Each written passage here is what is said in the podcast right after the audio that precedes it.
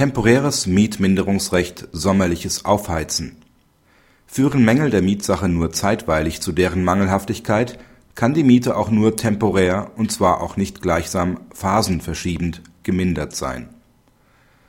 Der Mieter kürzt die Miete im Zeitraum September bis November 2008 mit der Behauptung, dass die Räume im Sommer wegen zu hoher Innentemperaturen für die von ihm betriebene Kinderarztpraxis nur eingeschränkt nutzbar gewesen seien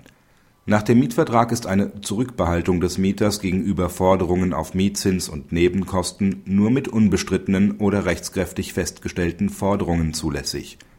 Der BGH gesteht dem Mieter zwar zu, dass ein die Gebrauchstauglichkeit erheblich einschränkender Mangel in der Aufheizung der Räume liegen kann, jedoch macht sich dieser Mangel nach seiner Ansicht nicht mehr im Monat September und in den Folgemonaten in einer Weise bemerkbar, dass eine erhebliche Gebrauchsbeeinträchtigung der Mietsache vorliegt Praxishinweis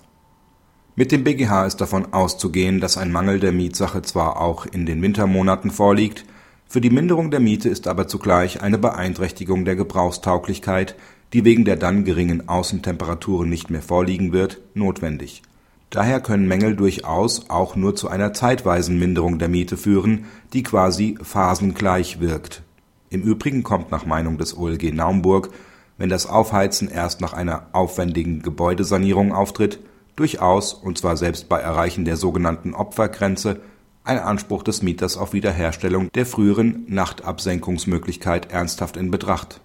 Die Arbeitsstättenrichtlinie Raumtemperatur gilt danach fort